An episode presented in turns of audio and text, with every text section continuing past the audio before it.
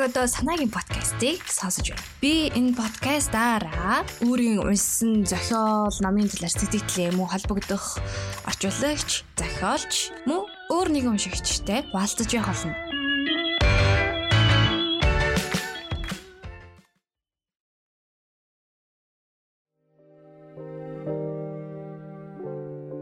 Удвал охин 6 наснда эхээс үнчирчээ. Ийхүү тэр хойд эцгийн хамт үлдэв. Охины өмнө амаргүй боловч бахтам амьдрал хүлээж байлаа. Эцэг нь ахин гэрэлснээр удвал охин хойд ихийн хатуу гар дор баггүй зовсон юм. Балчир охиноор ямагт хүнд хэцүү ажил хий гэж үлэн зэлмэн өнжөөж шөнийн бор хоногт адсган дээр унтуулдаг хатуухан ээж таарчээ. Ийм зүдэрч явсан охинтой нэгэн сайхан сэтгэлд хүн таарч гэртээ авчирснаар хувь заяа сайнаар эргэв. Тэр угийн ухаалаг охин болохоор үеийнхнээсээ эрт бичигэрдэнд нэгтрэв. Тоглож гүөхээс өөрөө мэдэмгүй баймар долоохон наснда охин хошууны тал бичээч 12 доо яам цэргийн албанд бичээж хийж байсан гэд боддоо. Зохиолч бол хавьяасаа нэн илрүүлсэн удвал их хувь заяа түүхэн рамаа туйраглаа. Ингэж тэр роман тэр дундаа түүхэн сэтвтэй роман бичсэн анхны монгол эмэгтэй болсон юм. Учир нь эмэгтэй зохиолчид яагаад ч юм түүхийн сэтвээр бичдэггүй байлаа. Хувь заяа удавлыг хөтөлсөөр Тэр Эрдэмт хавтайн дээр удирдах авьяастай тул Монголын зохиолчдын хорооны болон эмэгтэйчүүдийн байгууллагын дараагаар ажиллах боллоо. Эмэгтэйчүүд олуулаа сурах ажиллах ёстой. Эмэгтэй хүн дарга хийж чадна гэж тэр үздэг байв. Тиймээс ч өөрөө биеэрээ үлгэрлэнэ.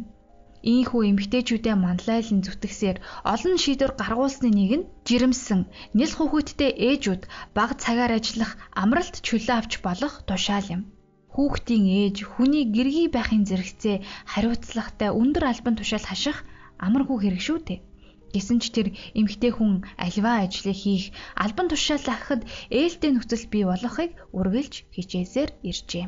Тэгээд зогсохгүй ирээдүйн хойчин манлайлагч нартаа захин үлдээсэн юм.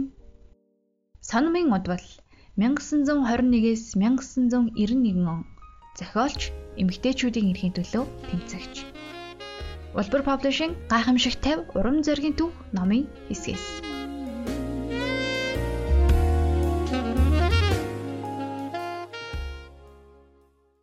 Та бүхэн Улбар Publishing-ийн эрхлэн гаргасан гайхамшиг 50 урам зоригийн түүх номын хэсгээс сонслоо. Сайн байцгаана уу сонсогчдоо та бүхэнд өнөөдрийн мэндийг хүргэе. Санаагийн подкастны маань 2020 оны хамгийн эхний дугаар хүрэхэд бэлэн болсон байна. За энэхүү дугаараар би Цоошин Publishing-ийн хамгийн ихний бүтээлээр уулзаж ярилцж байгаадаа тун их баяртай байна. Манай зочин хуульч, судлаач, хүний эрх хэдүүлээ тэмцэгч Батуянг байгаа. За уянга эгчтэйгээ бит хоёр 12 сарын 31-ний өглөө он гарахаас өмнө одоо оны хамгийн сүүлийн өдөр а Moving for Change төрийн бас байгууллагын оффист уулзаж ярилцсан. За тэгээ бит хоёр улбар publishing яагаад үүсгэн байгуулах болсон бэ? Гайхамшигтай урам зоригийн түүхийг гарах болсон шалтгаан болон дөрүүдийн сонгуул, зураачдын сонголтын талаар зарим нэг одоо сэтгэл тод мөргөлдээж буй болон одоо бас түүхэн хүмүүсийн дөрүүдээс түүчилэн ярилцсан байгаа. За тэгээ сонирхолтой байх үүднээс бас санаагийн подкастны онцлогоо тусгаад дурдах болгонд нь би номын хэсгээс 2-оос 3 өгүүлбэр бол уншиж багтаасан байгаа. Тийм болохоор сонсоход одоо сонирхолтой байх болов гэж найдаж байна. Гайхамшигтай урам зоригийн түүх болвол манай Монголын түүх бүр аль эрт 13 дугаар зууны үеэс эхлэн өнөөгийн бидний яг энэ цаг үед мөр зэрэгцээ амьдарч байгаа 50 өөр эмэгтэйн түүх, замнал, хүсэл мөрөөдөл гих зэрэг одоо олон зүйлийг тусгасан ийм бүтээл болсон. За зураачд явах юм бол бас олон төрлөөр зурдаг, олон өөр илэрхийлэмжтэй юм зураачд мөн насны хувьд мундаг алдартай зураачээс эхлээд иллюстрэшнүүд, манга зураачид гэдэг их олон төрлийн нас насны ялгаатай маш олон цаг үеийг хамарсан ийм бүтээл болсон гэдгийг цохон дурдмаар байна. Ингээд ярилцлага хүлээн аван сонсноо.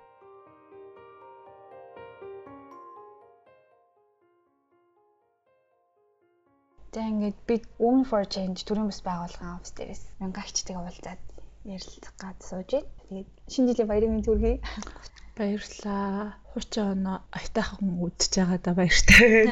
Шинэ оноо айтайхан өгтөнө гэж бас найдаад сууж байна. Улбар Publishing хамгийн анхны бүтээл бол гайхамшиг таврын зорийн төг байгаа. Тэгээ Улбар Publishing үүсгэн байгуулах болсон шалтгаан гэх юм уу? Яг тэр гоё inspiration уран зориг ханаас эхэлтэй За улбар publishing нээж гэж яг бодоагүй. За бүр яг ээж болсноос хойш юм уу 7 жилийн өмнөөс ээж болсноос хойш илүү хүүхдийн номнуудыг их шүүж эхэлсэн л дээ нөгөө хүүхдтэй хайтайхан ном уншуулчих гад шүүж эхэлсэн. Угаасаа уран зохиол болоод бусад төрлийн номнуудын бол би бол этээ дүү уншигч нэг а тэгээд тэр шүлтүүрээрээ а нөгөө талдаа бас би үндсэн мэрэгчл маань хуульч тэгээ хүний эрхийн ерхий дагуулгатай ажилтдаг хүн. А тэгэхээр нөгөө хүүхэд те а сайн уран зохиол уншуулах а нөгөө талдаа бас одоо шинэ нийгэмд бэлтэж байгаа шинэ 100-д бэлтэж байгаа хүүхдийг хүний эрхийн мэдрэмжтэй агуулгатай хүн ялгадаггүй хүн хайрладаг тиймэрхүү хүн болгож өсөхийн тулд тэрэн тохирсон ном уншуулах шаардлагатай болсон. За тэр номнууд хараахан тийм сайн байгаагүй. Монгол хэл дээр ялангуяа байгаагүй. Аа тэгээд англи хэл дээр бол хангалттай чөлөөтэй их байсан. Аа тэгээд тэр үеэс эхлээд хүүхдтэй ном уншуулах юмсан гэд тэг хүмүүс та нар тийм ном гаргаач, ийм ном гаргаач гэдэг юм уу ярилцаад яваад идэг байсан. Аа гэхдээ юу гэж л нэг тусдаа номын бизнес хийгээд ном гаргаа явж байгаа хүмүүс миний хүснээр ном гаргаа явж явах уу? Тэд нар чинь тусдаа өөрсдийн гэсэн ажлын төлөвлөгөөтэй хүмүүс байж таараа. За ингээд нэг тиймч ном гарах юмсан, иймч ном гарах юмсан, тиймч номны санаа байна эсвэл тэрийг ч орчуулчих юмсан гэдэг бодлууд явсаар байгаад а 7 жил болчихж байгаа гэсэн үг. А тийм дундуур нь яг хүүхдэд зориулсан янз бүрийн пэйж дээр ажиллаулаад пэйжээ хандалтч сайн тэгээ контентуудаа ч айгу сэтгэл гаргаж бэлддэг байсан. Тэгэнгүүт тэр сошиалар урсаад өнгөрөх мэдэн дунд мэдээ бэлдээ сохол бас тийм ч үр дүнтэй байхгүй байгааг ойлгож байсан.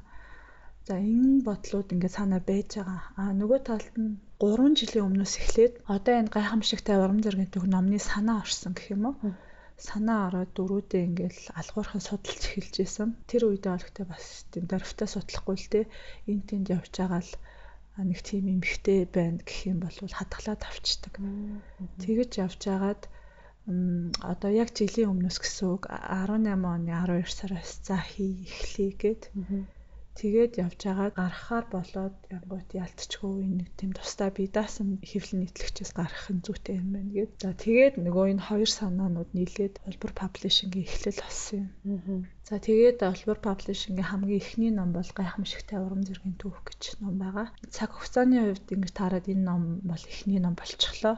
А гэхдээ хийгдчихсэн номны ажиллаа гэх юм бол бас анхны ном бол биш байгаа.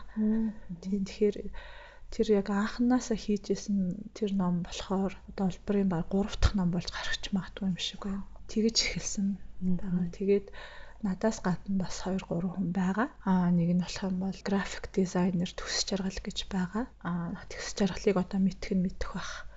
Номын хавцсны дизайнер тэгээ найзууд нь бид нэр шоолохдоо бол coworking гэж шоолдог тийм хүн байгаа. За тэгээ бит хоёр байгаа. Тэгээд дахиад нэг хоёр хүн байгаа нь болохоор одоохондоо нөгөө санаагаа гаргаад нисэн гэсэн часан төрч хүлээ авчихсан байж байгаа. Тэгээд тэр үедээ буцаж иргэн эрэхтэй ил тод болох байхаа гэж байна. Тэгээ гайхамшигтай урам зориг төгөө. Хүмүүсээс дөрүүдийн яаж сонгосон юм бол гэдэг юм сонирхож байсан. За энэнийг болохоор анханасаа хэлбэрээ хүүхдийн байлгахаарч яг тооцож эхлэегүй юм. А хэдэн жилийн өмнөөс хадгалсан гэдгсэн тий. Өмнөх үгэн дээр ч бас байдаг л та. Бидний хэдэн залуусын зүр Монгол улсыг хөгжиж цэцгэлэхт нь одоо хэн оролцсон юм бол гэдэг асуулт бол сонирн байсан. За одоо хэдийгээр одоо улс орны амьдрал эрентэй бараантай тэгэл сүрэг мэдээлэл нэг нэг болохгүй бүтггүй байгаад байгаа юм шиг боловч сайн тал нь их байгаа А тэгээ ямар ч гэсэн тусгаар тогтносон Монгол улсуудын хүртэл 2019 он хүртэл байж байгаа гэдэг. Тэгэхээр энд хүмүүс оролцсон байж таараа. Тэгэхээр энд хэн оролцсон юм болоо гэдэг асуулт нэгдүгээр сонирн байсан. Хоёрдугаарт 10 жилийн түүхийн хичээлийн боловсрол тэгээд их сургуулийн түүхийн хичээл аа тэгээд уншсан мэдсэн аа тэгээд хэвлэл мэдээлэл медиагаар цацж байгаа энэ нөгөө нэг бүтээгч эрхмүүд мундаг эрхмүүд гэл янз янзын тий контентуудын цаана тэр дөрүүд нь дандаа голцоо эрэхтэй байгаад байдаг байсан. Тэгэхээр цаана бид нэр энэ цаана нэмэгтэй хүн байсан болоогүй юм болов уу гэж бодож судалж эхэлсэн. Тэгээ 3 жилээс хадгалж яасан гэдэг нь эхэндээ бол жоох явцаахан. Дандаа тийм ахтагч гэдэг агуулгууд л анхны тэр анхны энэ гингүүт л хадгалж аваад байсан. За тэгээд судалгаа эхэлж байгаа. Судалгаа эхлэхдээ бол юуны төрөнд бол илүү уншиж ойлгож чадхаараа монгол хэлээр хайж эхэлж байгаа. Кирилл монгол хэл дээр гэсэн үг. Тэгээд түүхийн номнуудыг бүхэлд нь л уншиж байгаа одоо амрын Монголын төвч гэдэг юм уу те ингээл бүхэлд нь бүгднгээс нь эхлээл уншиж эхлээд их явцдаа нэг юм ойлгосон үнэхээр тэр түүхийн сурах бичиг ч юмнуудад үнэхээр юу юм бэ? Эрэгтэй дөрвөл байгаад идэх юм байна гэдэг талаас нь олж харсан. А дараа нь болохоор дахиад судлаад явахдаа тэгэж харчхаараа ингэж бодохгүй? Эмэгтэйчүүд цөөхөн байна гэж бодохгүй юу? Тэгээд ингээд их сурвалжийн хүрээгээ өргөтгөө л уншаад л яваад тах тусан бол нэг тийм цөөхөн байгаагүй. Харин чангалтай олуулаа байсан. Зүгээр түүхийг бичээд байгаа тэр хандлага нь эр төвтэй байгаа учраас нэг талдаа эмэгтэйчүүдийг бичээгүй байна а нөгөө талдаа тухайн тухайн үеийн цаг үеийн онцлогоос болоод зүгээр эмгтээчүүд зарим зарим үедээ цөөхөн байсан юм байна. Чадахгүй мэдхгүй дээ биш зүгээр цаг үеийн тэр онцлогоороо эмгтээчүүд даван гараад амжилт үзүүлэхэд ч бас хэцүү л үйж гэх. Тийм хэцүү байсан ч гэсэн эмгтээчүүд бас байсан. Ингээд судалж байгаа дөрөв судлаад яг үндэ 114 болчихсон. Аа тэгээд тэрнийхаа дараа энийг яаж бичиж хүнд хүрэх үү гэдэг асуудал гарч ирнэ дээ. Тэгэхээр насан туршид зориулаад намтарчилсан байдлаар ч юм уу гарах чи гэж бодохгүй юу. Тэгэхээр нөгөө нэг уншигчийн хүрээгээ нэгдүгээр томих гээд байгаа юм шиг нэгцээ. Аа энэ одоо манай ном жишээ нь хүнийг ингэж тодруулж хүн төвтэй намтар төвтэй бичсэн анхны монгол ном ерөөсөө биш. Ийм ном зөндөө байгаа, баг 20-од байгаа.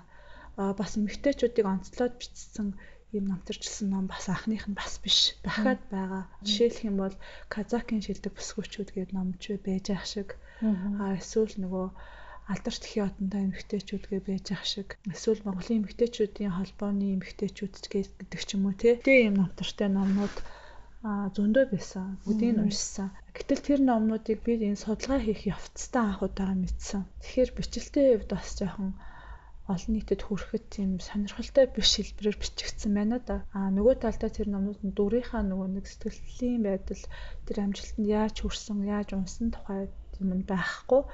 Зүгээр нэг тийм CV CV шиг тий resume шиг хэлбэртэйнүүд байгаа гэсэн. Тэгэхээр энэс өөр байх юм байна гэж бодсон. Ингэж явахдаа нэг талынх нь үнцэг тэр а нөгөө талдаа угаасаа уншдаг мэддэг судалдаг хүн бол би бицэн бицээгүй энэ гайхамшигтай байсан байгаагүй судлаад уншаад явна тэр том тексттэй том номнуудаасаа. Тэгэхээр энэний зорилтод бүлэг нь илүү хүүхэд өсвөр наснд хүрэгчэд байх юм байна гэдэг. Аа тэгж явсараад энэ номны энэ хэлбэрлээ орж ирсэн байгаа. Тэгээ нөгөө талдаа нөгөө улбар паблишн дээр бас нэг зургийн талын хүн байна гэдгсэн ш тэр сайнер.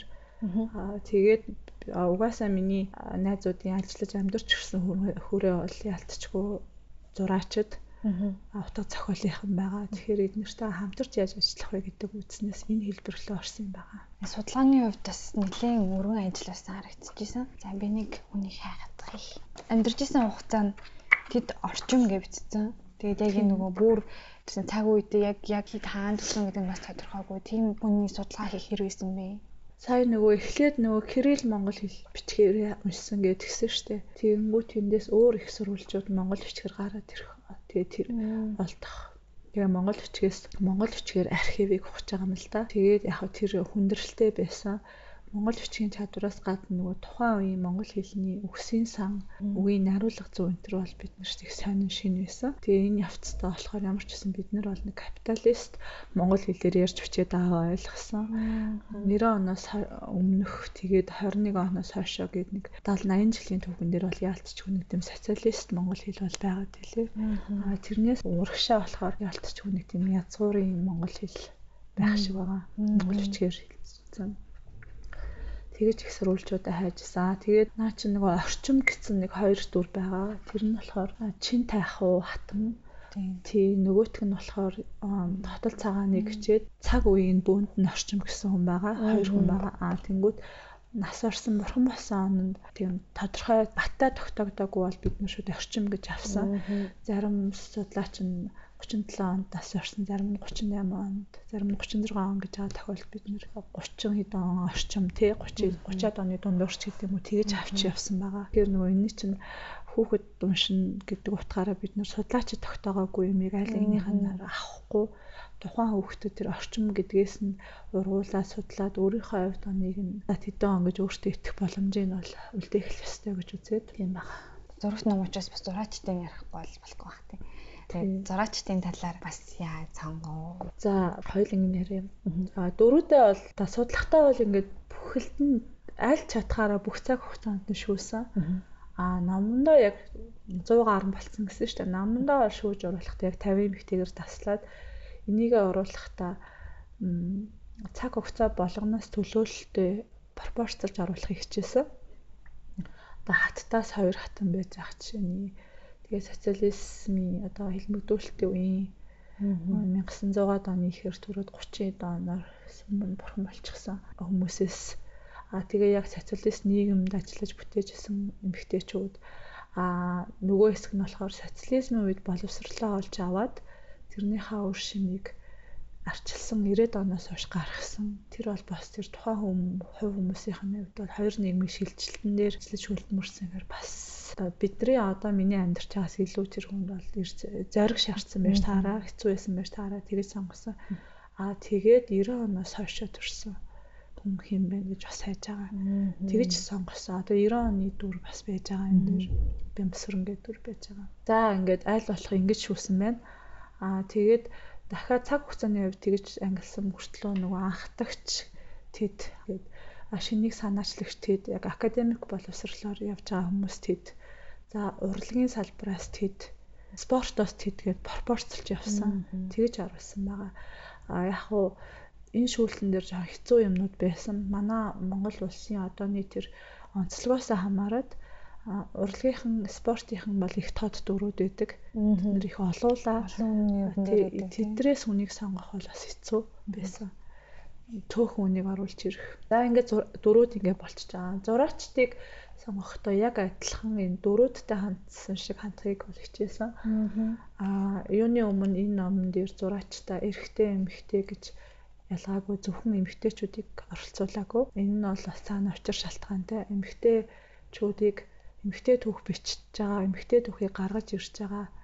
Тэгээд энэ дээр оролцож байгаа уран бүтээлчдийн баг нь дан эмгтэйчүүд байх ерөөсөө албагүй. Яа тэгэхээр эмгтэй хүнийг магтдаг зөвхөн эмгтэй хүн байж болохгүй. Хоёрдугаарт нөгөө бид нэр хоорсоо эрэгтэй эмгтэй буюу хүүсийн дан дайн ерөөсөө хийгээгүй байгаа. Тийм тэр санаагаа бол мэдчихсэн болохоор хойлж оруулахыг хичээсэн. Наа гэхдээ яг хувьчлаад бодох юм бол эмгтээчүүд нь жоохон түлхүү байгаа. Энэ нь болохоор эмгтээчүүд илүү олон байх үднээс сонгосон яг хэрэг биш. А уран бүтээлчдтэй анханасаа 50 зураач тандаа биш 60 зураач тандаад яаж вэ хөөсөө арцгаа ерөнхийдөө тэнцүү бариад байсан.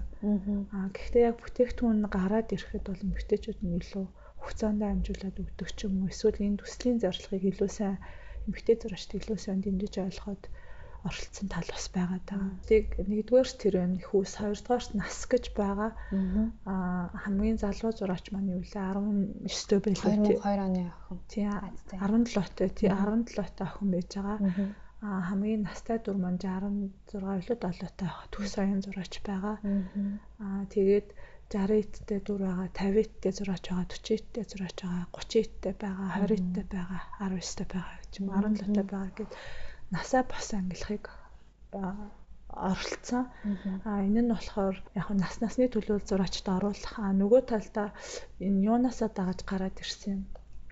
Зураачтай сонгохдоо аль болох олон төрлийн арга барилтай зураач нар оролцуулахыг хичээсэн. А уламжлал тийм реалист зураачд оруулахыг хичээсэн. Тэгээд одоо contemporary гэдэг юм уу тийм орчин үеийн тэр урлагаас хүн оруулахыг хичээсэн. А тэгээд зураасан зургаас хүн оруулахыг хичээсэн. Манга комик зурдаг хүнээс оруулахыг хичээсэн. Тэгээ бүр хатгамалч хатгамалч хүн дээр санал тавиад а тэгээ яг illustration буюу тийм график дизайнер зурдаг хүнийг оролцуулахыг хичээсэн.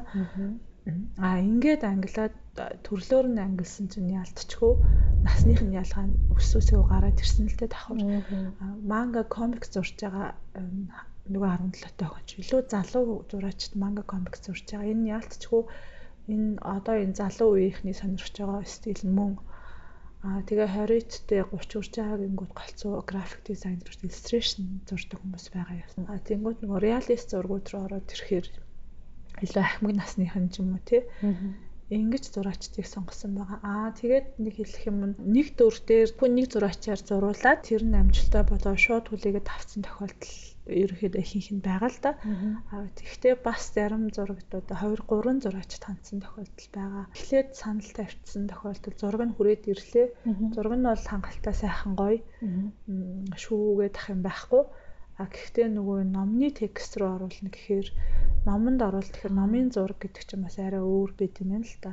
Тексттайгаа уялдах, номныхаа нийт концептаа уялдах гэх мэт эсвэл зүгээр хитрхи хар бараа зургууд илүү гонхтой ч юм уу тий. Илүү тийм дарк талын зургуудыг бол ялтчгүй хассан. Номны концепт зур уран зэргийн түүхүүд байгаа. Тухайн дүрийн зохиолоос нь тэр хүний тэр тухайн хүний амьдралын тэр түүх нь харагдах хэвээр А зурагнаас нь бас зураач өөрийнх нь тэн дээр ажилласан тэр түүхэн буюу тэр утга санаа ч юм уу тийм харагдах хэвээр.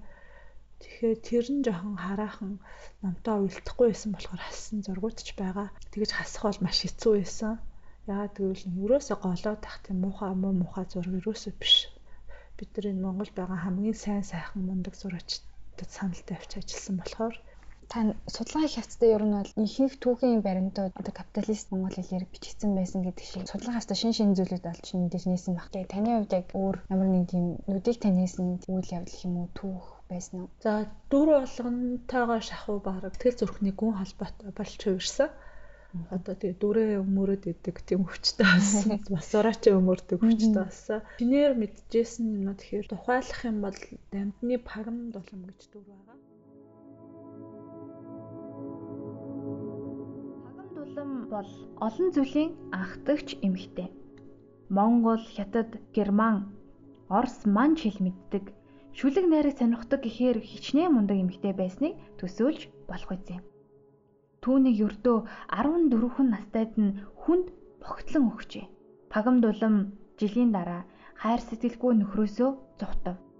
Гэрийн сургуулаар бичиг үсэгт нэгэн тайлагдсан пагам дулам багшийн сургууль сурснаар манай улсын анхны багш нарын нэг болсон юм. Удалгүй тэр өөртөөгөө адил багш эмэгтэйчүүдийн хамтаар анхны эмэгтэйчүүдийн байгууллагыг байгуулав. Тэгээд зогсохгүй дараагаар нь сонгогдлоо. Ийхүү пагамд улам эмэгтэйчүүдийг бичиг үсэгт сурах зэргээр эрх чөлөөг нь илүүлж, эрхийг нь дээшлүүлэхэд зорьсон олон ажлыг санаачлан эхлүүлсэн юм. Тэр бас эмэгтэйчүүдийн санал хэмээх эмэгтэйчүүдэд зориулсан анхны сэтгүүлийг эрхлэн гаргалаа. Түүний зорилго нь өөр шиг олон эмэгтэйчүүдийг соён гэгээрүүлэх байлаа. Сэтгүүлээрээ дамжуулан тэр бичиг хүсэх дөнгөж тайлгдсан эмэгтэйчүүдэд нөлөөлж зорьсноо биелүүлжээ. Сэтгүүл гэдэг зүйлийг эмэгтэйчүүдийн саналгаа сэтгүүл 24 оны хавар 3 сард анх гарах улирал тутамныг гаргахаар шийдээд анхны эрхлэгч нь бас пагамдуулан байсан. Энэ эмэгтэй бол насад орж ихнэр байтугай хүн байна. Аа тэгээд угаас нэг Герман руу явсан анхны хэдэн Монгол оюутнуудын нэг шүү дээ бас тий. Аа гэтэл бид нэр цаг дээрч ихнэр гэдгээс нөр мэдээлэхгүй халтарсан юм байна. Аа энэ бол бас жоохон харамсалтай байсан. Тэгээд бас нөө чин тай хатан гэдэг байгаа чин тай хатан. Тогт хунтай чимээх нэрийг та нар өмнө сонссон байх. Төв аймгийн Дэлгэр хаан сумын нутаг дах дуутын хаданд түүний бичсэн гайхамшигт шүлэг дураах бөгөөд цогтын хадны бичээс химээдэг. Чухамдаа цогт хунтайжийн ээж чин тайхуу хатан хүүгийнхээ авяас бэлгийг тэтгэн эрдэмтэй болгон өсгсөн юм. Эрдэм мэдлэг нэвтэрсэн чин тайхуу хатан бол Чингис хааны алтан ургийн гэрсэнд жалаар хунтайжийн удам Баара хошуучийн хатан билээ. Тэрээр хүүхдүүдээ судар номд ямагт шамдуулна. Тиймээс ч хүүхдүүд нь шүлэг зохиолд шимтэн өсжээ. Тэдний дундаас хөвөн цогт хунтайж ээжийнхээ авьяас бэлэг чанарыг өвснөөрөө аргагүй онцгойрно. Энийг болохоор айгүй сонин олж мэдсэн. Мэл богдын намтрыг би зүгээр 100 өөр шалтгаанаар уншаад мэл богдын намтрыг одоо миний үеийнхэн энтрийн хүүхдүүд ихэнх нь мэднэ л те. Тэгсэн чинь мэл богдын богдын төсгөл дээр энэхүү мэл богдын намтрыг цогтойж болон чин тахуу хатны тэр цэцэлтгүй сайхан дэмжлэгээр ингэж хөрвүүлэн үлдээлээ энэ төр гэсэн утгатай сүүлийн дөрвөн мөр байсан. А дээр нь цогтын балгасны тэндээд балгасан дээр бас бичээс байдаг чин тайхуу гээд. За тэгээд чин тайхыг нь судалсан. Тэгсэн чинь бас яалтчгүй л нэг тийм соён гэрүүлэгч хатан байсан. Тэгээд цогтой чин тийм бэлэг оюунтай яруу найргийн онгод авьяастай тий тэр мөр нь бол ялтчгүй тэр ээжийнх нь гэрээ хүмүүжлийн үр дүн мөн байсан. А нөгөө талдаа цогтын балхас орчим одоо балхас болсон цогтын цагаан байшин гэдэг тухай үед нэртэй.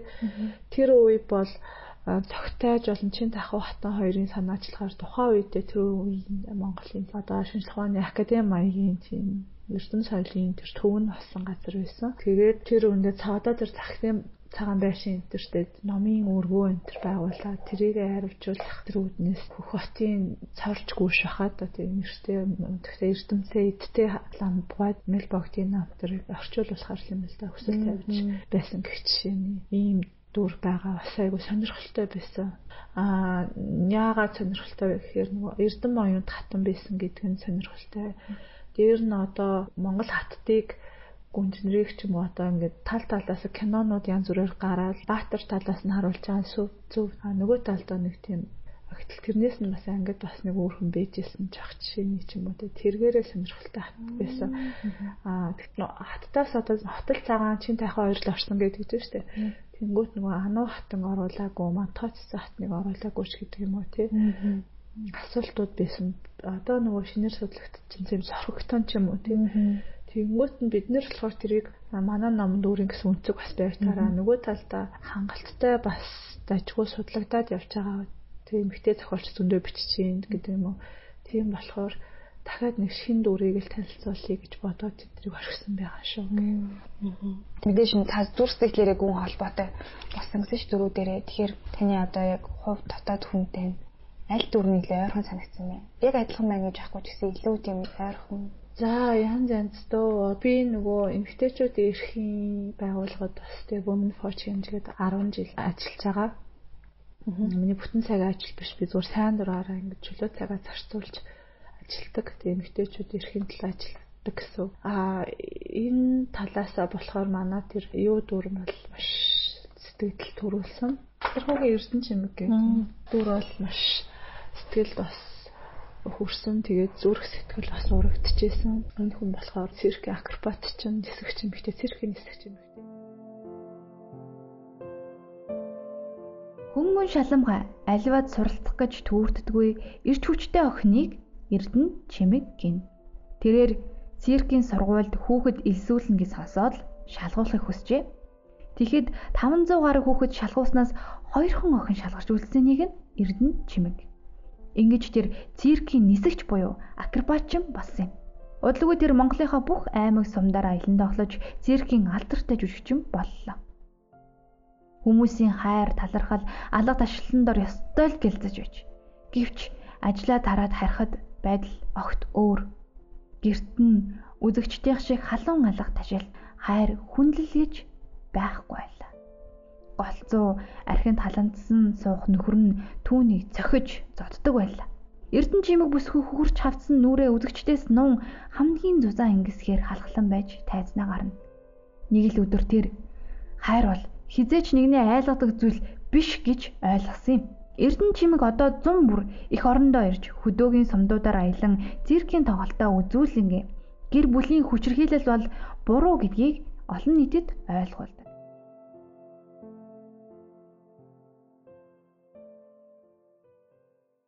Одоо болохоор Америкт амьдардаг. Тэгээд Америкийн Миннесота мужийн тэр хамгийн том циркийн сургуулийн ахлах огш идэг. Баян сургууль нь болохоор дэлхийд даяараа тэр циркийн хамгийн сайн сургуулийнх нь нэлтэй. Өөр тэрнийхээ хажуугаар Мантухай цирк гэдэг нэртэй циркийн зөвхөн монголчууд тэнд ажилладаг цирк Америкт ажиллаж тойроо аялал хийдэг. Тэгээд ингэж ажиллаж байгаа тэр хүн жилийн турш мөнгөө цуглуулад Тэр мөнгөөрөө юу хийдэг вэ гэхээр жил болгон Монгол Америкийн тэр циркийн шавнартайгаа ирээд одоо Монголд ажиллаж байгаа циркчтай хамтраад хөдөөгийн сумдаар циркийн үзүүлбэрийг үнд төлбөрхөө цирк үзүүлж явдаг гэсэн үг. Одоо циркийн урлаг өөрөө бас өргөн хүрийг хамархаа болцсон. Тийм энэ үе дээр циркийн урлагийг одоо хүүхдүүдэд ялангуяа тэр сумн дээр байгаа хүүхдүүдэд үзүүлж нэг талдаа нүдийг нээж байгаа. Нөгөө талдаа ингэж явах зураа гэр бүлийн хүчирхийллийн эсрэг мэдээллийг үнд үлбэргөө өгч явдаг. Эндээс хуульчтай сэтгэл зүйчтэйгээ явдаг. Тэгээд энэ нэмэгтэй болохоор хүчирхийллийн эсрэг үндэсний төвийн тэр 24 цагийн лавлах хуцсны бас санхүү зардлыг бас санхүүжүүлдэг гэж байгаа. Тэгээд энэ л бас сүүлийн 10 жил төгсөлтгүй хийж байгаа. Тийм маш даруухан. Одоо чи мэдхгүй л байгаа зү тий. Тий мэдхгүй ихтэй хийгээл явж идэг. Энэ амьдрал руу орсон шалтгаан гэхээр дур маань өөрөө энийг ярих зөвшөөрөл өгсөн болохоор би ярьж байгаа шүү. Хангалттай ярьж болно. Үнний юм чинь гээд а энэ нэмэгтэй гэр бүлийн хүчирхийлэл буюу нөхрийнхөө тэр дарамтанд 10 жил амьдэрсэн. Тэгээд байнгын зодонтой харталттай зодуур нүдүүртэй нэг удаа бүр эрүүгээ эрүү шүдээ хуглуулж ярьж байсан гээд а тэгээд цуглуулах тэр тэгэж хурцтай болсон шалтгаан нь 10 жилийн анхны ахиртайгаа суугаад хүүтэй болоо тэгээд энэ маань засран сайжирна биел болохгүй юм ч гэдэг юм уу те. Ингэж явж байгаад нэг өдөр өөрөө одоо ботсон юм л да хайр бол одоо энэ байна гэж байхгүй. Хайр бол ингэж намайг зодоод байж идэг хайр гэж байхгүй. Эсвэл би нөхрөөс айгаад явж идэг хайр гэж байх эсгүй эсвэл энэ хүн акропат ч гэсэн шүү дээ Тэгээд хэдий хүүтэй ч гэсэн заримдаа тэр нөгөө нэг менежерсаа тийш харих болгондоо дээр ингээд дүүлж явхад оос тасарчхаасаа гэж боддог байсан. Тэгвэл би хүчин ягаад ингээд хүч юм бол би орой очиж тийм юм мэдрэхгүй гэж бодож ордог байсан. Тухайгаа ярьжсэн. Тийм юм туулсан. Тэгээд тэгээд пүүгээ аваад цогцсон гэсэн гэрээсээ. Тэгээд нэг циркэнд агчинд очсон чинь нөхөр нь хайсаар агаад ирээд тэгээд уйлж ингээд бүр циркийн дарга нь хүртэл ирж оролцоод одоо эвлэр мэвлэр одоо зүгээр амьдарчаа гэх. Тэгээд айгуу сайхан ойлголцсон юм шиг байсан чинь очиж харангуйтаа цуцсан барьсан гэдээ дахиж задуулаад тэгээд ингэж өрөөний өрөндөө айхтар гэмтлийн авсан гэд.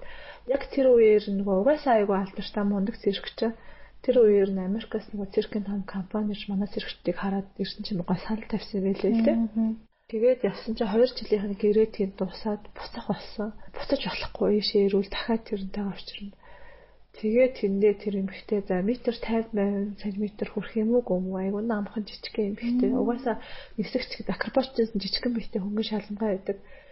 Тэр эмхтэй өдөрн цирктэй тоглолцоод оройн мөнгө олохын тулд тэр циркийн бүх хэрэгсэл тоног төхөө хэмжээг хураадаг тийм хар ажил нь хийдэг байсан энэ.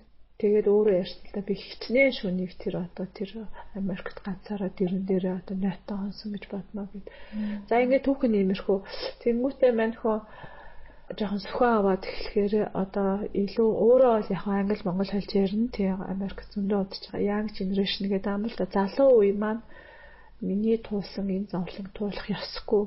Ягаад гэвэл эн чинь бүр өчөөхөн тэнэг шалтгаантай. Эн чинь зөв хүн хүний заатаж хүн хүний заваа гэдэг ч юм бол энэ одооны энэ цаг үе хэрхвч нийцэхгүй. Ягаад гэвэл болиулчих болоход одоо ерөөсөө амархан гэд тэр хүн болчиход л болохоор тийм амархан юм дээр ингэж буу зовлон болж идэг. Тэгтэл энийг хүмүүс дахиж мэдрүүлэхгүй тулд тэгээд ажлыг гэж ботсон. Тэгээ яаж ажиллах вэ гэхээр би угаасаа өөрийнхөө хийж чаддаг юмар л ажиллана гэж үзээд ингэж явж байгаа. Аа тэгээд Эрдэнэчимэг байгаа. Таны одоо тэр сэтгэлийн хар бараанд урсанд чи арилсан уу гэж би асуусан л да.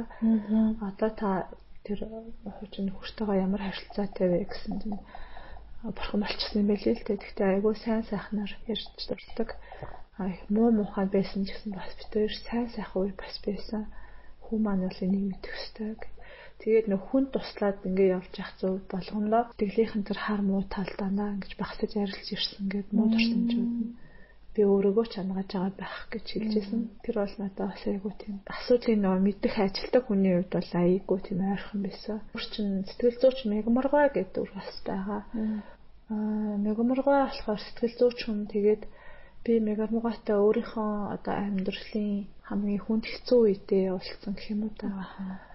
За бүр нэг хөл хацал зовлон бол үзээгүй л да. Зүгээр ихтэй ер нь сэтгэл зүйн хувьд маш хүнд хэцүү үдий одоо наслахтаа энэ өндөрлөгөөс харахад энэ зон шиг бол унж үзээгүй сэтгэл зүйн хувьд унж үзээгүй тэгээ тэр үедээ яг уулцсан. Хөд бүр сайн ээж автай байдаггүй нь харамсалтай. Иймээс зарим хүүхэд гэрээсээ дайжин зүр сэтгэл нь шархалж өөртөө итгэх хэтгэлгүй болох нь ч бий ингэж өвдсөн сэтгэлийг ойлгож эдэрхтэн тусалдаг сэтгэл зүйч хэмээх мэрэгжил байдаг нь юутай сайхан. Сэтгэл зүйч мэрэгжлийнхээ ачаар хүүхдүүдэд дандаа тусалдаг нэгэн эмэгтэйг мигмар гэдэг. Тэр хизүү бүхний давх хүч хүнд зөвхөн өөрт нь бие хэмээн ойлгуулж тэрхүү гайхамшигт хүчийг өөрөөсөө нээж болоход нь хүүхэд багчуудад төдийгүй томчуудад ч тусалжээ.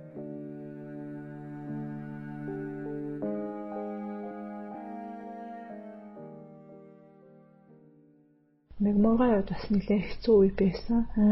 Тэгээ бид хоёр уулзаж зөндөө удаа юм ярьсан. Аа тэгээ миний сэтгэл бол маш хөнгөрөөд гарсан.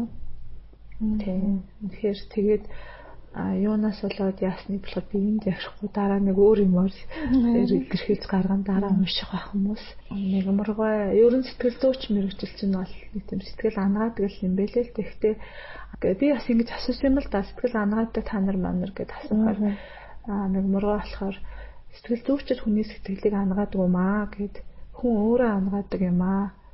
Хэцүү бүхний давх хүчин тэр хүнд угаасаа өөрт нь байдаг юм тэрийгэл өөрөө олохт нь жоохон замчилж тусаална өгөхөөс биш сэтгэл зүйн хүнийг ангаагаад идэг юм байхгүй.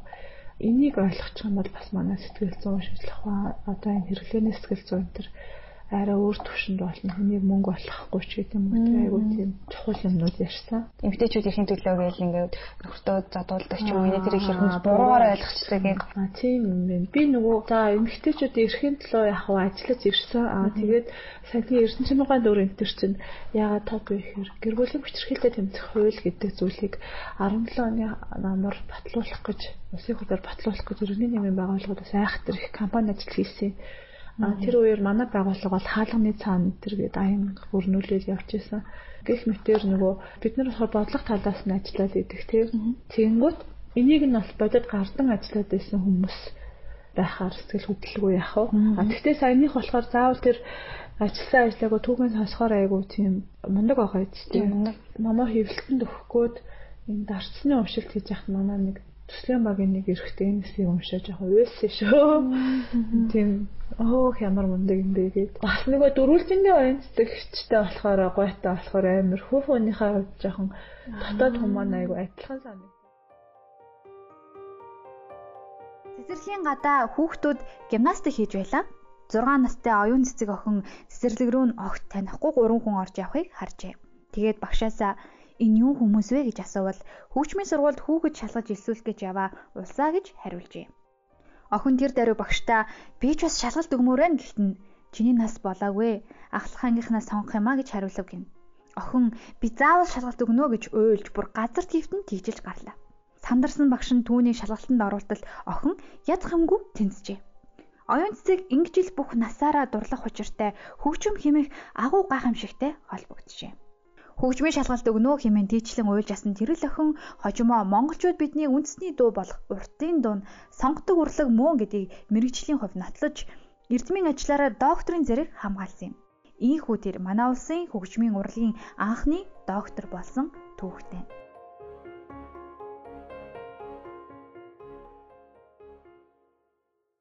Тэр их тийм гоё ойлголтчихсан. Манай хүн бол тийм засаршгүй өдрөг айхтар тийм харизматик юм байсан байхгүй сэтгэл татам гэсэн үг. Тийм сэтгэл татам ерөөсөө тэр уур амьсгалд нь байгаа 5 м орчим байгаа бүх хүнийг өөртөө баг бишрүүлэхээр тийм айхтар хүн байсан. Тэгээ би яг тэрнийх нь нэг болсон. Би болохоор тийм хүн бол биш. Би зөвхөн засаршгүй өдрөг гэдэг нь болохоор шууд шолоохон ингээд хилчдэг. Загнуул загинчдаг тий тийм байсан болохоор амар гой санагцсан. Тэгээд энэ дөрөвттайгаа уулзаж уулзрал ичээгч болол заримтаа чицууд гэтэл заримтаа зарим нээч зарим нэгчиг гэ бүгднтэй янз бүрийн сайхан холбоотой болоод одоо нэг хэнийг хэлэхгүй би тэр хэлж болохгүй гэсэн. Би нэг удаа гадаа энэ номны 10 сард зохиол дээр гацчихсан байхгүй юу? Аа. 7 хоног бичиж чадаагүй. Аа ягаад тэгэхээр Нэгдүгээр би архивын материал хэтэрхий их уншсан болохоор миний бичлэгийн хэлбэр айгуу тийм социалист монгол хэлтэй болсон хүнд болсон. А нөгөө талдаа нөгөө хүн болгонтэй нуулцаад тэг юмын судлаад ингээд уул авааш их материалтай болохоор яаж буулгасан гологдоод болтгоо. Тэгээ ерөөсө 7 хоног бичиж чадахгүй. Тэгээд гэрийнхаа тийм урагш ажил руу алах га гадаа ингээд зөксөжсэн чинь хой хой гэлсэн чинь ингээд харсан чинь манай нэг дөр чи чи одоо мөнгө алдсан юм шиг юугээд газар шигштэй яваад байгаа ингээд манай хүн тавих татсан зөксөжсэн би тэгэл жоохоо ингээд хараад за яах вэ хэлэх үү яах өөрөөс нь нэг тийм сүртэй 2 3 уулзч баах юм бичиг тэрийгэ бичиж чадахгүй байх хэрэг чи одоо санаа зовмор гэхдээ яах вэ гэж бодож байгаа хилээ тавьчихгүй би ингээ ингээ гацчлаа гэдгсэн чинь шууд загиндээ дээшээ хаар өөдрөгөө дээшээ ирч хүчтэй халах тэгжээтэл чинь болно болгоод ирсэн биз дээ чи химанч юу н болоход ирсэн гэх. Алээ чи одоо цогтой залбоотой алхаатах гэд. Ядаж цогтой залбоотой алхахвал надад оюун ухаан чинь цогтой залбоотой болно чи гэд. Хөөчтэй шууд. Тэгэхээр за ээ бүүсэгт нөгөө нэг чи төвөгдчлөө гэд. Гүүхээрээ ээшээгүйж орч ирэл. Тэгэл явжсэн чинь арай нь илүү маргааш нэлээд залгаж байна. За одоо яана гэж авсан чинь их ч юм уу охиныгоо өстэй амар загнчихсан уу гэв. Гэхдээ бас хүнд чинь ийм хатуу үг сонсоо загнуулах хэрэгтэй үе байдیں۔ Ингээд тийм болохоор чамд тэгсэн. Чи тэр чамагийг аргацсан бол чи юу ч өмжөөд гачи юм болох байсан гэсэн би гих мэтэр дөрөвтэйгээ ийм холбоотой болсон. Сонсогчдоо сонирхуулгаа да. Би намын зураачдын нэг нь болох анзаа шин төхөөсөн байгаа. Тэгээд хоёр дүрийг нь зурсан. Тэгээд бид нэр өнгөрсөн талааны хитэд байлаа. Уулзсан залуу зураачтай. Тийм, төслийн багийнхантайгаа зураачдын төлөөлөл маань уулзсан. Тэр нэг голцоо залуу зураачд маань цугласан л да. Аа ягаад тэгэхээр яг тэр өдөр нөгөө нэг урчууд эвлээ хороо зураачд эвлээ хорооны шинжил давхцаад тэгээд урчууд эвл байдаггүй баг бүх зураач нь үрээд ирсэн. Тэгээд бид нэр маш гоё нэг оройг өнгөрүүлсэн. Надад бүр маш амттай байсан. Ягаад тэгэхээр нөгөө зураачтайгаа зураг авчаад уулзч юусаа амжаагүй. Тэгээд номын чүгч амжаагүй. Номын өгмөр байдаг. Тэгээд нэг усан бөөндөө гоё бүтээлээ затлыг гэж уулзаад. Тэгээд надад юу сонирхолтой байсан бүр манай зураачд нөгөө тухайн дүүрээ зурхтаа юу ботож зурсан, ямар арга ажиллагааг ашигласан, ямар санаа илэрхийлж байгаа юм гэдгээ ярьсан. Тэгээд надад маш гоё байсан болохоор би ганцаараа дүрээ судлаад байсан вирусээ биш. Би биш л дээ зохиолчны багаараа л судлаад байсан юм биш. Манай зураач олгон дүрээ та судалсан байсан. Гоё санагдчихсан. Одоо чи чинь тэрийг ярил л та. А манай ариун санаа болохоор манай номноос хотол цагаан гүнжийг тэгээд чинчлон гэд хоёр дүрийг зурсан байгаа.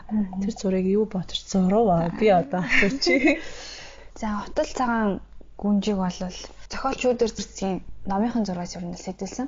Тэгээд гоёл чимэглэнээс өөр ингэсэн утгатай байсан гэдэг утгаар нь бол гоёл чимэглийг дүрслсэн байдлаар нь тэгээд дүр нь болохоор өөрөө айгу тийм нэрсэн шиг дайчин гүнж өөрөө бол ном сум харавдаг, барилддаг. Тэгээд хамгийн гол нь өөр гэсэн чанга үзэл бодолтой их юм үн цэнтэй тийм хүмүүс нь болохоор жоохон эргэтэлэх юм уу, жоохон иршүүд байдлаар зуръя гэж бодсон. Зүгээр нэг тийм бедрум кейсээ илүү шүрмөслөг. Тэгээд тийм жоохон хүчтэй ирнэ зөөлхөн царайд л гарахыг хичээж зурсан. Тэгээд өнгө нь болохоор юм би өөрөө хотл цаан гүнж бол юм цэнхэр өнгөтэй байгаа. Тэгээд цаадал нь бол угаасаа ингээ хуучин буюу хуучин цаг тоглолыг бид нар чинь киноноос болтын кино альс болтын хар цагаанаар илүү ингэж дүрсэлж хүлээж авдаг болохоор артлын хар болгоод цэнхэр нь бол зүгээр ингээ контраст байдлаар гэж бодсон. Итэл цагааны зургийг нөгөө арын санаагаас санаагаас аваад шууд харсан хараад мэдсэн л дээ. Шүдэр цэцэгчийн номны тэр дүрстэй тэрнээс сэтвэлснийг шууд харсан мэдсэн. Гэхдээ энийг нь өөрчлөлт өөрөөр яг буцааж санал тавиагүй. Энэ нь болохоор бас учир шалтгаантай. Хотол цагаан гүнжийг түүхийн эргэлтэнд дахин судалгаанд оруулж байгаа хүмүүсийнх нь нэг бол яалтчгүй сүдэр цэцэг зохиолч. А нөгөө талдаа хотол цагаан гүнжээр кино хийх гэж байгаа гэж хэдэн жилийн төсөл явж байгаа тий. Ирэх 20 жил гарах байх. Тэгэхээр нөгөө тэр хотол цагаан гүнжээ өөрийг нь тэр нэг херо дүр болгож гаргаж ирж байгаа. Аа тэгээд тэр үндэсний нэг дүрэл болж гарна шүү дээ. Гарчиж байгаа. Тийм болохоор тэрийг нэвдэж бүр цоо шинээр өөрөөр зуруулаад яах вэ гэд энэ чинь бид нэр цөөхүүлээ адилхан одоо уран бүтээлчд. Тийм тийм болохоор шүдэр цэцгийн хичээн тэр хийж байгаа сэтүүлсэн байг. Тэгээ хүүхдүүд магадгүй тэр юугаар нь хоногшоод явбал явг те. Энэ нь ч бас зүг байж магадгүй гэж бодоод ерөөсөө эсэргүүцээгүй за за гэд хүлээж авсан байдаг юм аа. Баярлаа. Түүхийн хүнийг судлан гэдэг бас хэцүү мэлээ. Тэгээд дараагийн зураг маань найдан дөрчийн чин чулуун гэж юмхтэй байгаа. Тэгээд найдан дөрчийн чин чулуун гэдэг чинь. Тэгээд та нөө судалгаа болгоо зургуудын видеог нь явуулсан. Тэгээд би бас нийтийн видеог нь үзээд тэгээд энэ их дэс төрсөн сэтгэлийнхаа зураачхаа үед би чинь иллюстрашн илүү тэр төрлөөр зурдаг болохоор надад тийм хүүхэлтэй айгу хүчтэй баатар шиг санагдсан байхгүй нэг картун юм шиг төрхөнтэй айгу тийм настаа үдч кьют гэж хэлнэ шиг. Ямар ч байсан тийм.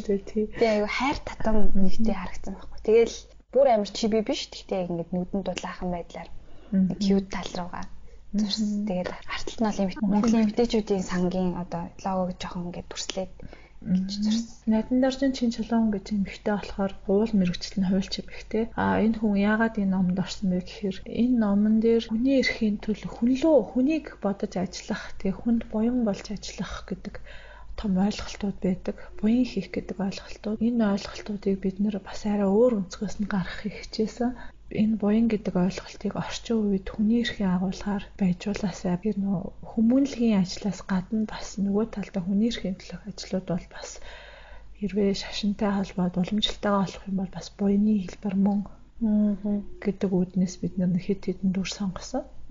Тэрний нэг чинчлөөгч аа нөгөө талдаа энэ нэг зөвхөн нэг үнцэх нь. Энэ манай бүх дөрүүд айгу олон тарлын юм хийж бүтээсэн олон тийм өнцгтэй хүмүүс байгаа. Аа нөгөө талдаа болохоор эмэгтэйчүүдийн болон ер нь хүний хүүхдийн эрхийн төлөө мөнгөө хандуулна гэдэг бол монголчуудад ерөнхийдөө шинэ шинэ ойлголт. Иргэний нэгэн байгууллагууд энэ талаар 20 жил ажиллаж байгаа боловч шинэ ойлголт. Тэгэхээр чинчлөөгчийн хийсэн болохоор Монголын эмэгтэйчүүдийн сан гэдэг байгууллагыг үүсгэн байгуулад анхны захирлаар нь ажиллаад энэ сангийн ажиллах зарчим болохоор филантроп буюу хандвар хүмүүсээс мөнгө босгож аваад тэр цугласан мөнгөө тийм хүний эрхийн төлөө тийм тасралтгүй үйл ажиллагаанд зориулдаг. Галыг унтраахаас гадна галыг галд төмөр гарахгүй шалтгааныг дарах гэдэг бас нэг асуудал байдаг тий. Тэгэхээр энэ Монголын эмэгтэйчүүдийн сан болт чинчлөгч хийж ирсэн зүйл нь тэр цаад шалтгаан руу хандсан зүйл. Үнэлж баршгүй хувь нэмрээ оруулсан олон эмэгтэйчүүд байгаа. А тэднэрээ маань нэг төлөөлөл гэж оруулсан дур байгаамаа. Тэгэнтэй чинчлөгчийн охин нь бас ээжигээ дагаад нийгмийн байгууллагад олон жил ажилласан эмэгтэй байдаг шүү дээ. А гүнж төвгээд охтын эрхийн төлөө ажилладаг. Ялангуяа нөгөө хамгийн том ажлуудын нэг гэхээр өсвөр насндаа насан туршиг байхдаа ээж болчихсон охтын асуудал гэдэг аюу хүнд асуудал байдаг. Нийгмээс маш маш олон буруу талтай тулгардаг. Тэр чинь хүүхэд байхдаа ээж болчихоор нөх хүүхэд насны эрхийн асуудал тэгээд сурч боловсрах боломж болцооны асуудал гэдэг бүхэлдээ нөгөө эртдээж болсноороо бүхэлдээ тэр хүний ирээдүйн амьдрал наандаж эзэн засгийн баталгааг болдог.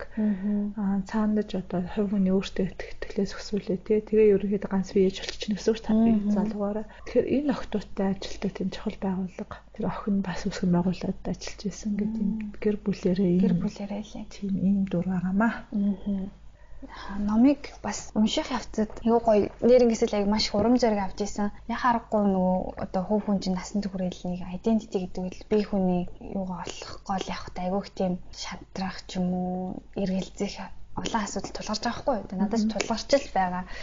Тэнгүүтээ энэ дөрүүдээс харангуут ерөөсөө чихүү зориг, чих хүслэл тагсан. Тэрнээс яг ингээд харагдах байдал идэх ч юм уу одоо нийгэмд ямар нэгэн үүрэг хүлээх ёстой гэдэг тэрнээ зөвхөн уягтаагүй яг өөрөө чин зүрхнээс яасан тэр нь одоо өөрийнх нь тэр одоо маш олон үнцийг гаргаж чадсан юм шиг санагдчихсан. Одоо бас хүмүүст нэг феминизм гэдэг ойлголтыг бас танаас сууж удаад феминист гэхээр одоо тэгээ Монголын суурин гэх юм уу тэр нь ямар ялгаатай бас байх уу?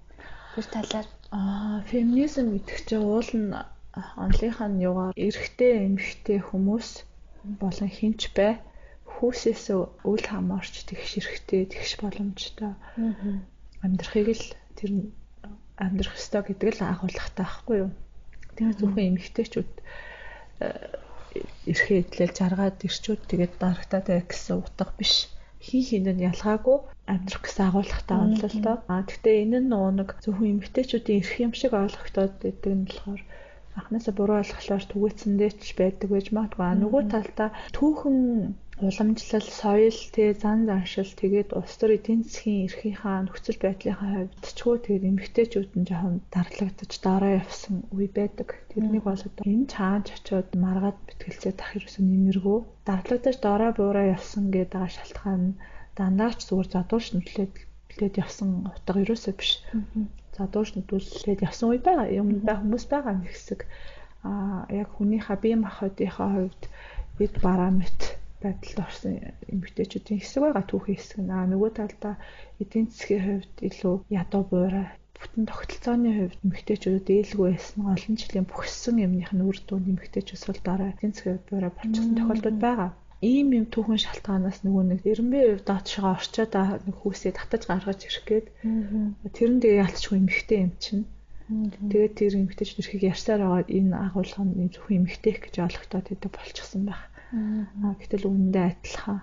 За энэ тухай хариулт нариултыг болохоор би одоо өөрийнхөө өнцгөөс хариулаад тахын жааш энэ бол илүү том асуулт л та.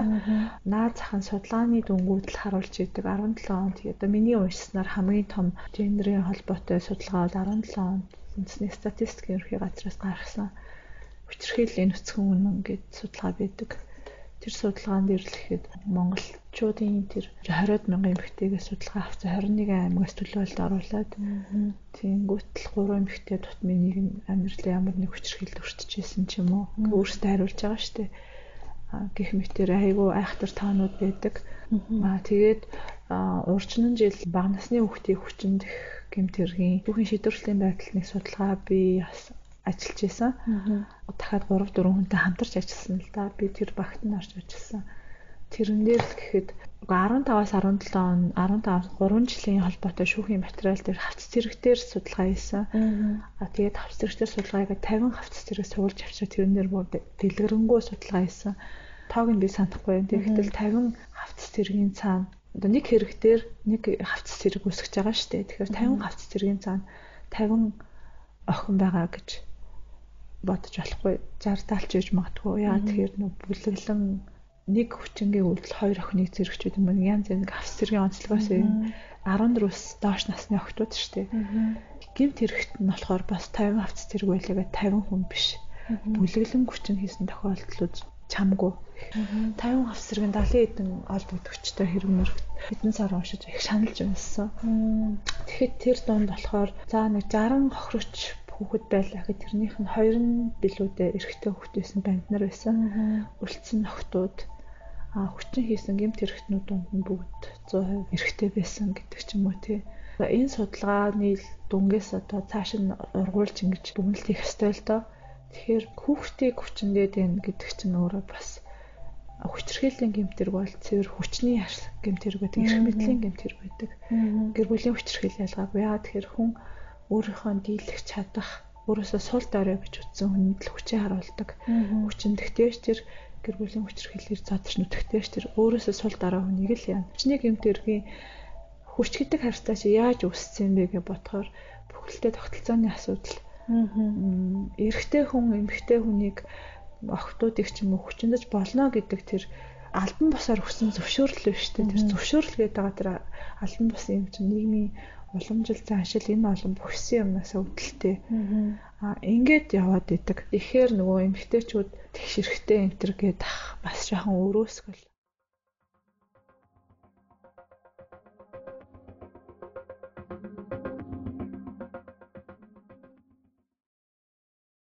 Аа гайхамшигтай урам зоригийн түүх гэхээр нөгөө дөрүүдийн маань түүхүүд бүгд урам зоригтой. Аа тэгээд гайхамшигтай л байгаа юм л да. Заримтай нь 2 3 удаа уулзаал тэрийн ажлаа хийж яхад нь очиж хараад ч юм уу тий янз янзаар л судлаа. Аа тэгээд хувийн амьдралынх нь хэцүү хатуугч сонслоо судлаа. Аа тэгэхээр энэ хүмүүс нөх хүнээс онцгой төрчихсөн хүмүүс юусоо биш. Гоцгойд бүр үнэхээр хүмүүс биш. Аа тэгээд зарим нь ч бол тэр тухайн яг авиас гаргасан амжилт дээр зарим нь бол төрөлхийн тэр авиастай genus байгаа. Гэхдээ тэглээгээд бусад бүх амьдралынхаа явцал дардан гэлцсэн бол биш л байгаа юм л да. А одоо зарим нэг дүртэйгээ яриад явж байхад асууж байгаа танд сайн найз байгаа юу гэд. Одоо тань шиг ийм юмыг тулж байгаа хүнд сайн найз байгаа юу гэд хариулахгүй байх чишээтэй байхгүй. Амьдралынхаа юмд алдсан байдаг. Бид нэр одоо амьд ахудаа нэг нэгнээ хүлээн зөвшөөрөөд яхта тутмаг юм хүн хүн төрөлхтний чанар ч юм уу хүмүүсийн чанар ч юм уу монголчууд их ч юм уу бөөмэд. Гэтээ нэг зовлонтой үед иргчин үлдсэн хүн наац чинь байдаг гэж үг байдаг. Гэтэл надаа болохоор бас тэрнээс гадна жаргалтай үед бас дэрэгчин үлдсэн хүмүүс найз юм байна гэж бас бодсон нөгөө амжилтыг чинь нөгөө атаархалгүйгээр цагаан атаархал байж болох ахал хийж бүтээх урмаа болгоод дургшилж болно. Гэхдээ бас амжилтанд нь ингээд бахархаад хүндлээд тэгээд тэрийгэ ил тод хилээд явж чаддаг бас чадвар бол их чухал юм шиг байлээ. Аа тэгэхээр манай дөрүүд харамсалтай заримд нь байхгүй тийм гарч ирээгүй. Заримд нь бол тийм найзууд нөхдүүд нь гэр бүл нь байсан. Аа нөгөө талдаа хүний амьдрал чинь угаасаа жаргал зовлонтой ирээн бараантай гэдэг хэдэнд эднэр маань болохоор хүн л учраас бүгднгийн бас өдөрт тулсан хүмүүс байдаг. Хийж байгаа ажлынхаа онцлогоос хамаарат нөхөр нь ойлгоогүй эсвэл өөрөө ч нөхрөө ойлгоогүй мэдгүй ойлголцож чадаагүй улмаас ганц бие амьдралыг туулсан ч байдаг, эрс цалсан ч байдаг. Зарим нь цаг хугацаа ажлаасаа болоод цаг хугацаа олдоогүй улмаас ганц хүүхдэл нэг төрүүлсэн, зарим нь хүүхдгүй ч юм уу тий ихэнх нь хүүхдтэй ганц хүүхд төрүүлсэн. Тэрэндээ одоо дахиад нэмэх байсан юм аа одоо ганцаардж байна гэдэг чинь нөө хүүхэд нь ганцхан хүүхэд шүү дээ.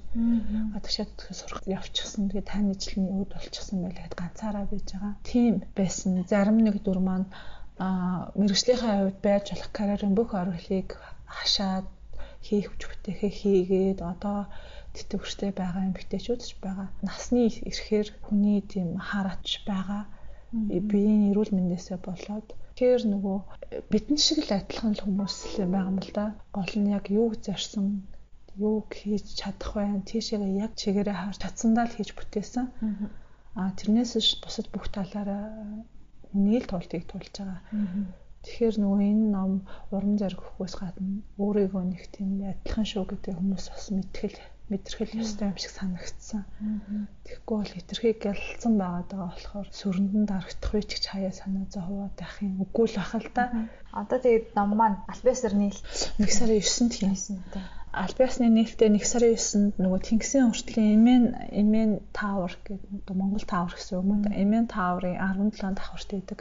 Эмэн 17 гэдэг уран зургийн тэм галерейд гарах гэж байгаа. А энэ нээлт маань 4 өдөр үргэлжлэнэ. 9-ний өдрөө болохоор яг тийм нээлт үндсэн нээлт хийн а тэрэн дээр зураачд маань дөрүүд маань тэгээд төсөлтэй холбоотой хүмүүс гээд ирэх бах.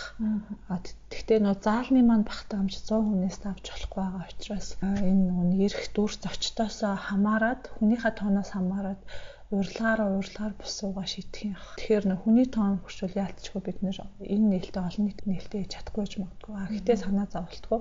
Нэг сарын 10-нд нь дахиад нэг үйл ажиллагаа болно. 10-ны өглөө 10 цагаас эхлээд 16 цаг хүртэл STEM салбарыг танилцуулах өдрлөг бүтэн болно. STEM гэдэг нь болохоор одоо яг орчин үед улс орныг илүү хөгжүүлж магтгүй тэгээд орчин үеийн чиг хандлагын технологи энтерт нийцсэн дээр нь бас хамгийн өндөр орлоготой ирээдүйтэй салбар гэж хэлээд байгаа. STEM гэхээр science, шинжлэх ухаан, технологи, инженер, арт буюу урлаг тэгээ математик гэдэг энэ салбарыг энэ өдрлийг болохоор илүү ахлах ангийнхан зориулж хийж байгаа.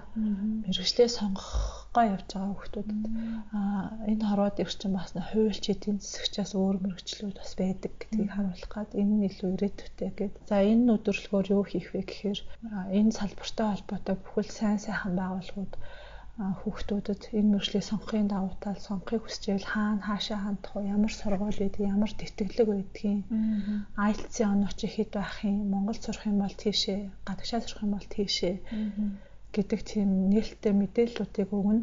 А дээр нь номонд маань орсон энэ салбарын дөрүүд маань бас ирнэ, дөрүүтэйгээ танилцж болно манай анхны эмэгтэй геологч гэрлэгвэ. Тэгээ номонд орсон тэр системийн техник компьютерийн мэдээллийн инженер гэдэг бас нэг амин гэж эмэгтэй ч юм уу тий. Арт салбараас сэрэмжлэлийн ариун агч ч гэдэг юм ингээд хэдэн дөрүүд маань ирнэ. Дөрүүтэйгээ тэгээ танилцаад сайн мэдээлэлээ авч болно. Тэгээд баярлаж талархаж буй юм болохоор энэ өдөрлөгөөр хамтарч ажиллах байгууллагууд нь одоо iTools, Inpasoft ч гэдэг юм уу тий Kids Code ч гэдэг юм ингээд энэ салбарын тэр түүчийг байгууллагад оролцсон. Тэгээд энэ байгууллагууд өөр өөрсдийнхөө зүгээс оролцож байгаа хүүхдүүдтэй боломж нэх юм.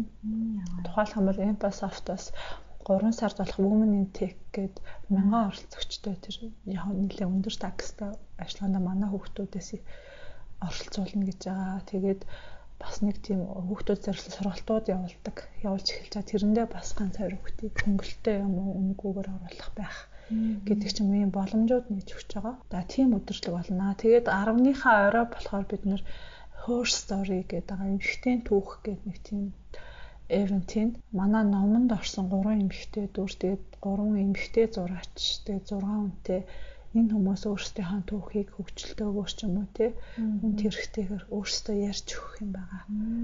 Ийм нэг өдөрлөг байгаа. Энэ дээр бас нэг давхар нээлт явна. Үндсэндээ 10-ны тэр STEM төлбөр бол хүүхдүүдэд зориулсан нээлт болж байгаа. Өсвөр насны хүүхдүүдэд орой болохоор яг тэр нь зарж ирэх хүмүүст зориулсан бас нэг жижиг нээлт байгаа.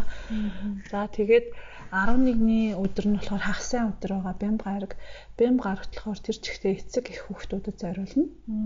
Энэ дээр болохоор хүүхдийг урлагаар тэр дотроо номоор тэгээд уран зургаар хүмүүжүүлэх тийм арга зүй талын баг зэргийн тэр жижигхэн сургалтыг эцэгчүүдэд зориулж хийн. А нөгөөд эцэгчүүд тэрийг сонсч байх зур нөгөө талд нь ч юм эсвэл эхний цаг хүүхдүүдэд зориулсан номын уншлага болно.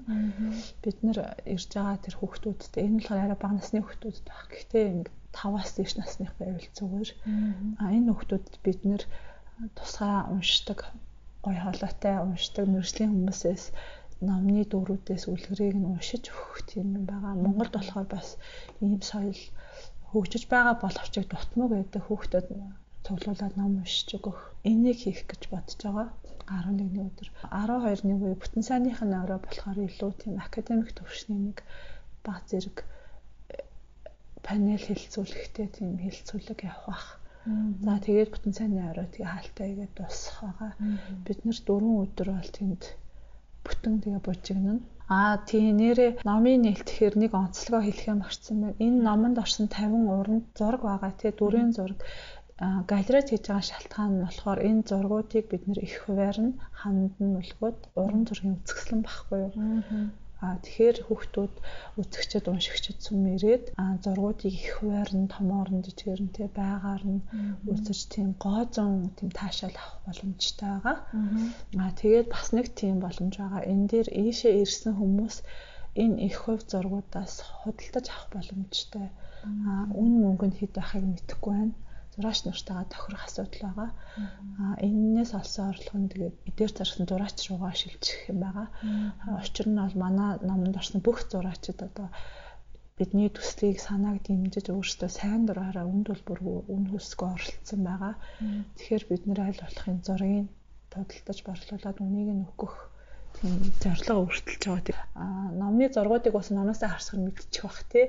Тэгэхээр их хуваараа бол гой гой зургууд байгаа. Тэгээд зураач нар нь байж байвал бас танилцах боломжууд бас байгаа. Дөрүүд маань нээлтийн үеэр тэр ингээ хуваагдаад ирэх бах танилцах боломж байгаа.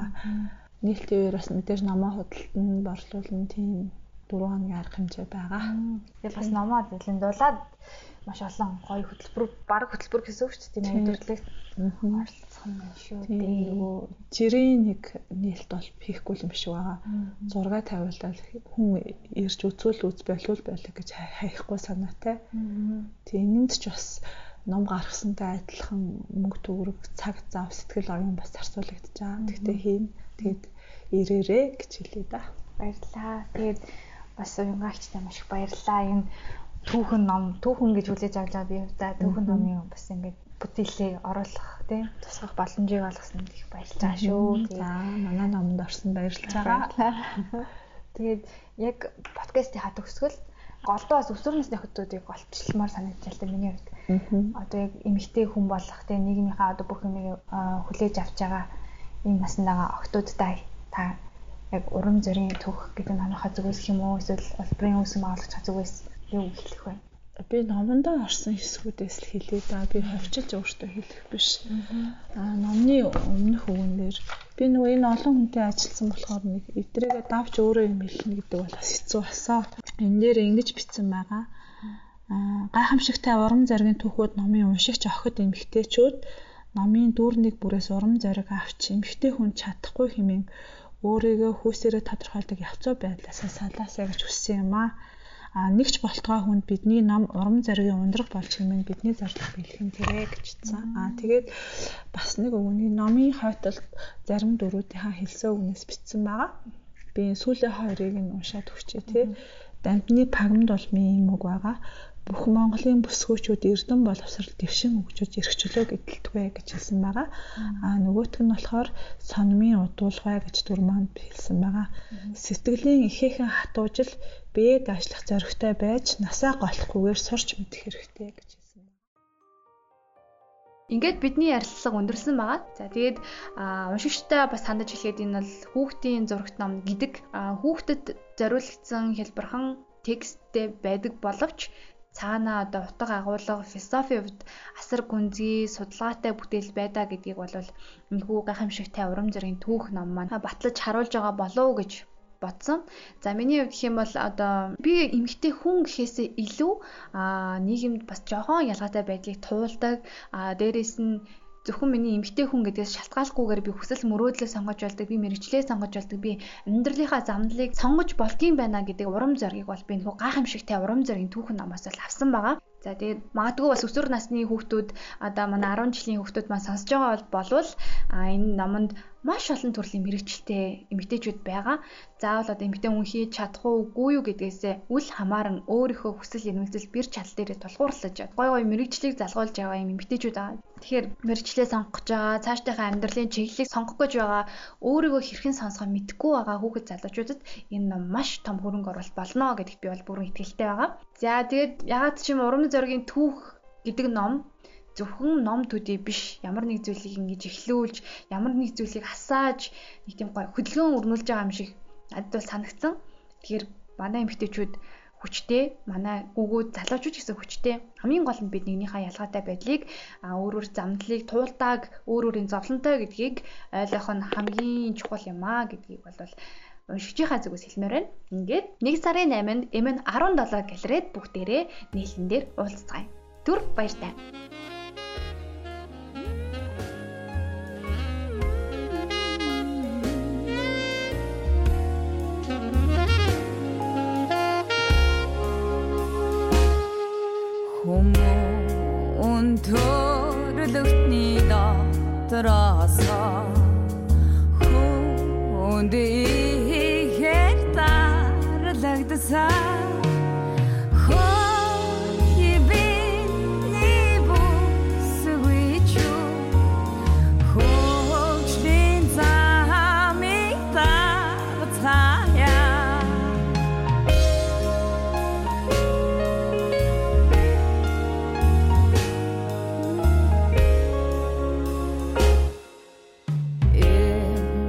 sayılar tuğçelisi Emekte ağlam beden arçel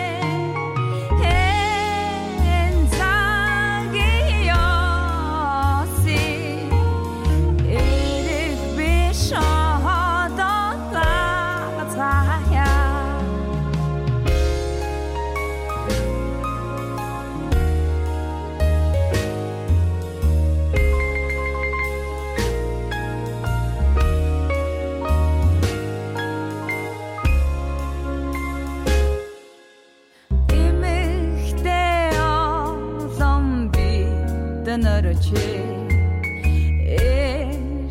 sayılda bağlı sorsa